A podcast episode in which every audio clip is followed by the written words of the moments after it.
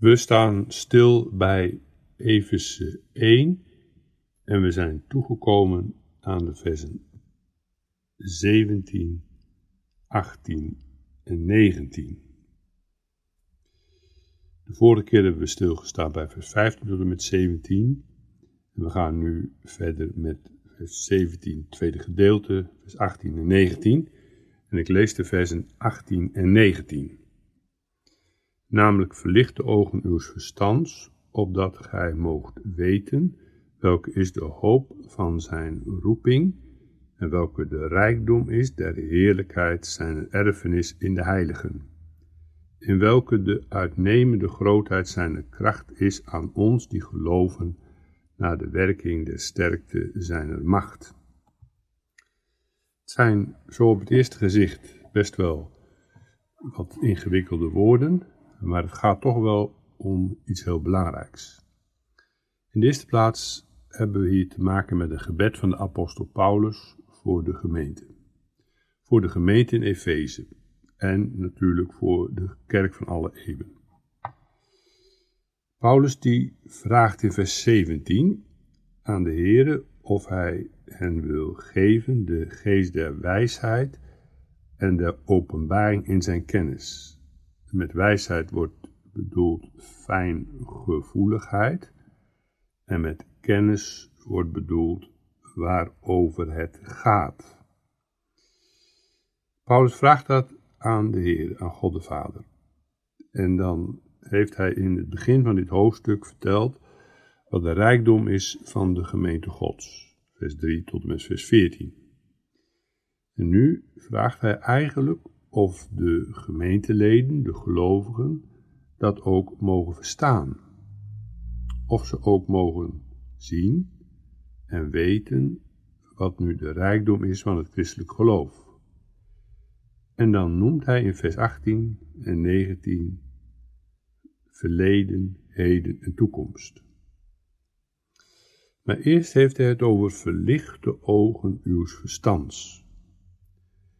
Sommige vertalingen hebben daar het hart.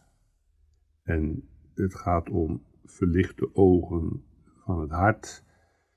Eh, dat hangt samen met de handschriften die gebruikt worden. Staatvertalers vertalen verstand en gebruiken een wat ander handschrift. Verlichte ogen uw verstands. Het gaat dus om de kennis die kinderen van God ontvangen door de genade van de Heilige Geest zodat ze wat God openbaart ook gaan verstaan. Met hun hele hart en met hun hele bestaan. Als de Heilige Geest begint te werken, dan verlicht hij het verstand en hij vernieuwt onze wil, hij neigt de wil. Paulus bidt of de gelovigen verlichte ogen uw verstands mogen ontvangen. Dat ze gaan verstaan wat de rijkdom is van Gods genade. De gelovigen hebben dat al, maar Paulus bedoelt dat ze daarin ook mogen toenemen. We vinden het ook bij Paulus zelf, die dat bijvoorbeeld noemt in Filippenzen 3. Verlicht ogen uw verstands. En dat dat. En dan wijst Paulus op drie dingen. In de eerste plaats zegt hij dat de gelovigen wijsheid en kennis ontvangen over de hoop van zijn roeping. In de tweede plaats de rijkdom van zijn heerlijkheid. En in de derde plaats, vers 19, de uitnemende grootheid zijn kracht aan ons die geloven, naar de werking de sterkte zijn macht. Dus, ik vat even samen, verlicht de ogen op dat. 1 de hoop van zijn roeping, Gods roeping. Twee, de rijkdom van zijn heerlijkheid. En drie, de uitnemende grootheid van zijn kracht. We beginnen bij het eerste. De hoop van zijn roeping. God heeft die gemeente in Efeze, die mensen, geroepen door het evangelie. En dat evangelie werd krachtig door Gods geest. Aan die roeping is hoop, is verwachting voor de toekomst verbonden. We moeten ons van zo'n stad Efeze, naast allerlei afgoderij en zondigheid, niet een al te positieve voorstelling maken. Het was een heel zwaar leven. Kindersterfte, uh, veel uh, ziekte, hongersnood vaak, uh, pijn, mensen hadden pijn en allerlei verschrikkelijke dingen. S'nachts criminaliteit en noem het allemaal maar op. En dan zegt Paulus, voor de toekomst is er hoop. Niet hoop in deze wereld, maar hoop op in het licht van de eeuwigheid. De hoop van zijn roeping. De hoop, dat is een van de drie grote genadegaven, geloof, hoop en liefde. Een hoop, dat strekt zich uit naar de toekomst. We hebben deze wereld en we hebben de toekomende wereld. Veel mensen geloven helemaal niet in de toekomende wereld. Vooral in onze tijd zijn er een heleboel mensen die zeggen dood is dood.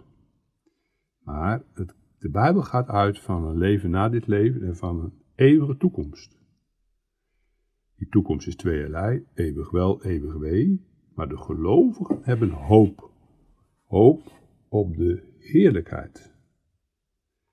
En dat is een bijzondere troost in dit leven, in alle moeiten van dit leven. Dit leven is maar kort. Dit leven kan heel moeilijk zijn. Maar er is hoop. En dan ook nog een eeuwige hoop. Misschien hebt u thuis de grootste problemen. Misschien ziet u er geen gat meer in. Dat kan. Maar bedenk dat het maar heel kort is. Misschien duurt het 80 jaar. Misschien 70 jaar. Misschien nog een klein poosje. Maar als u door het geloof met Christus verenigd bent, hebt u hoop. Ten opzichte van dat kleine poosje op de aarde staat dan de grote eeuwigheid.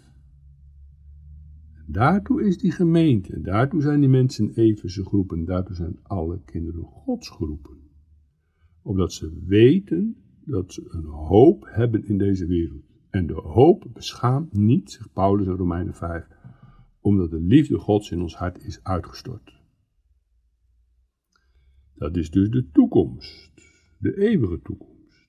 In de tweede plaats, en welke de rijkdom is der heerlijkheid zijner erfenis in de heiligen. Heeft Paulus over de toekomst gesproken? En nu spreekt hij over opnieuw de toekomst. En ook al in het heden, want die toekomst van hoop, de hoop zijn roeping, is ook een rijke toekomst. Naar de rijkdom, welke de rijkdom is, zijn er heerlijkheid, zijn er erfenis. Het is een erfenis. En we weten allemaal het gewone leven wat een erfenis is kan meevallen of tegenvallen. Nou, die van God valt niet tegen. En dan gaat het over de rijkdom zijn der heerlijkheid. Rijkdom wil zeggen de overvloedigheid. Het verheerlijkte leven is bijna niet uit te spreken wat dat is. Nee, dat gaat niet over zilver en goud. Dat gaat niet over een fijn gevoel. Dat gaat om de eeuwige rust. Paulus zegt in een van zijn brieven, dan zullen we altijd bij de Heer zijn. In onze Heidelberger catechismus wordt dat genoemd, wat geen oor heeft gehoord, wat in geen hart is opgeklommen, wat geen oog heeft gezien, heeft de Heer bereid voor degenen die hem vrezen. Welke de rijkdom is der heerlijkheid. We kunnen ons vele dingen op deze wereld voorstellen. De rijkdom van de gelovigen, als ze eenmaal aankomen in de hemel, is onuitsprekelijk. Christus is hun oudste broeder. God is hun vader. En de Heilige Geest is hun trooster. De rijkdom in dit leven bestaat ook uiteindelijk in relaties. Dat zal iedereen moeten erkennen. Neem iemand die gaat sterven. Hij heeft aan zijn huizen niks, aan zijn auto's, aan zijn geld niks. Het gaat om de relaties. De rijkdom van Gods kinderen is dat ze een relatie hebben met God. En dat ze zich eenmaal in God zullen verwonderen. En alles wat daarmee samenhangt. De rijkdom der heerlijkheid zijn er erfenis. En tenslotte een derde punt voor Paulus eraan toe, en daar bidt hij ook om. Welke de uitnemende grootheid zijn kracht is aan ons die geloven naar de werking der sterkte zijn macht. De kracht, dat gaat over het heden. Dus eerst de toekomst en nu het heden. Daar in Efeze is die gemeente ontstaan. Daar woonden in Efeze allemaal goddeloze dode zondaren. In hoofdstuk 2 gaat Paulus daar verder op in. Wie die mensen vroeger waren. Afgodendieners, criminelen, drankzuchtigen, overspelers, noem het allemaal maar op. Je kunt het zo erg niet verzinnen of ze waren het geweest. Dat is anders geworden. Hoe? Door de kracht van Gods genade. Bovendien is die gemeente er gebleven. Die was er nog toen Paulus deze brief schreef. Die was er nog toen Johannes daar oudste was. Die is er ook als in de openbaring een brief wordt geschreven aan de gemeente van Efeze. God heeft die kerk gesticht door zijn almacht en God houdt die kerk ook in stand. In welke de uitnemende grootheid zijn kracht is.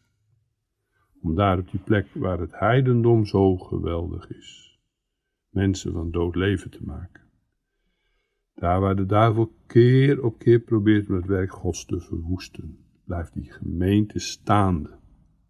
En zo laat God de uitnemende grootheid zijn kracht zien aan ons die geloven naar de werking des sterktes en de macht. Kijk, veel dingen gaan voorbij, maar de kerk des Heeren die blijft. Daar staat God zelf voor in. Bij de opstanding van de Heer Jezus is zo'n geweldige kracht openbaar gekomen. Daar is de dood overwonnen. En die kracht openbaart in de gemeente Gods. Dus niets en niemand houdt het werk van God tegen. En niets en niemand kan het werk van God vernietigen. Daar staat God zelf voor in, met zijn almachtige kracht. Paulus bidt of de gelovigen in Efeze verlichte ogen des verstands mogen ontvangen. Hebben u ze ook al?